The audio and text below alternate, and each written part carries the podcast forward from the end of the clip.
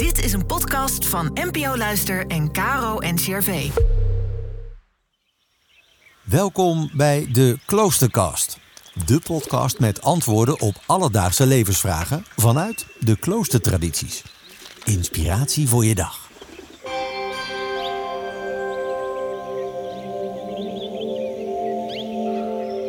In het Hoge Noorden woont Pater Hugo als kluizenaar bij zijn bijzondere kapelletje in Warfhuizen. Biddend, werkend en denkend. En vandaag denkt hij na over leven zonder oordeel. Kan dat?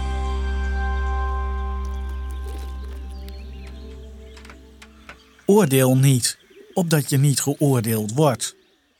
Want met het oordeel dat jij velt, zal je geoordeeld worden. En de maat die jij gebruikt, zullen ze ook voor jou gebruiken. Een van de opdrachten van Jezus in het Evangelie. Gelukkig vraagt hij nooit iets moeilijks. Hoewel, als dit zo letterlijk waar is, zullen er niet veel Nederlanders in de hemel zitten. Wat betekent oordelen eigenlijk precies? Ook kluizenaars en kloosterlingen worstelen daarmee.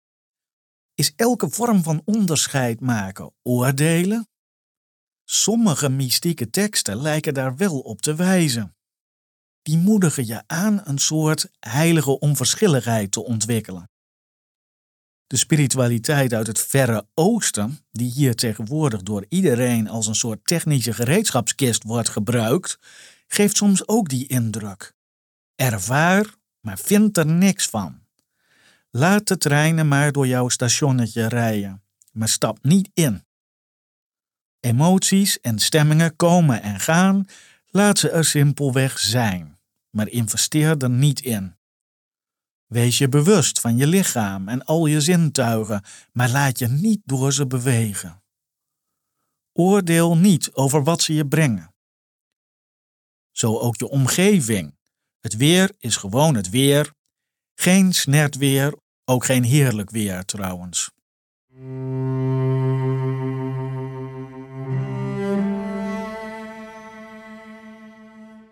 En daar ontstaat precies het probleem. De vrezen des Heren is het begin der wijsheid, staat er geschreven. Dat is op het eerste gezicht een rare tekst. Maar vrezen betekent hier geen angst, maar ontzag. Dat ontzag is in het geval van God positief geladen. Ten diepste is het een mengsel van verwondering en dankbaarheid. Dan moeten we ons alleen wel voorbij de kale waarneming laten meevoeren. Want verwondering laat zich toch wat lastig beschrijven als er was iets en toen was het weer weg en daarna was ik dezelfde. Verwondering raakt je en vervoert je en brengt je waar je nooit was en waar je zelfs geen vermoeden van had dat het bestond. Daar komt nog bovenop dat er wel degelijk een oordeel van je gevraagd wordt. Er bestaan immers ook vormen van verwondering die achteraf eerder licht verbijsterend dan verheffend zijn. Daarom heeft de goede God in al zijn wijsheid besloten dat het snuiven van lekkere poedertjes en het suipen tot de merels beginnen te fluiten gevolgd wordt door een kater. Die kater heeft de taak jouw onderscheid te leren maken tussen vormen van verwondering die tot dankbaarheid leiden en vormen ervan die tot hoofdpijn voeren.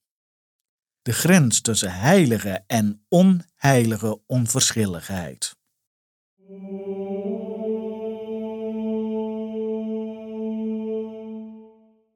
Jezus had het trouwens natuurlijk ook helemaal niet over dit soort oordelen en onderscheiden toen hij zei: Oordeel niet opdat je niet geoordeeld zult worden. Hij had het over het rechtertje spelen over andere personen, mensen, zielen. Dat zijn, net als jij zelf, vonken van bewustzijn, van Gods eigen levende creativiteit. Ze zijn in een bepaalde zin altijd heilig. Ze moeten gerespecteerd worden, zelfs de mispunten. Als de een de ander doodslaat of aanrandt, mag en moet je dat veroordelen. Als het niet zo duidelijk is wat goed en kwaad is, zoals meestal, moet je je uiterste best doen daar onderscheid in te maken, je er een oordeel over te vormen. Zo bestaat een groot deel van je leven uit oordelen, links en rechts. Wat jou in ieder geval nooit toekomt, en wat toch op de een of andere manier verleidelijk blijkt te zijn, is een andere mens of zelfs jezelf afschrijven, verdoemen. Cancelen mag alleen de goede God. En die lijkt daar nog best traag en lui in te zijn.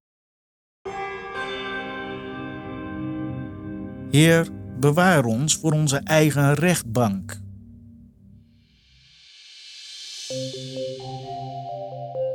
Morgen zuster Monica Razen over hoe herken je een zielsverwant.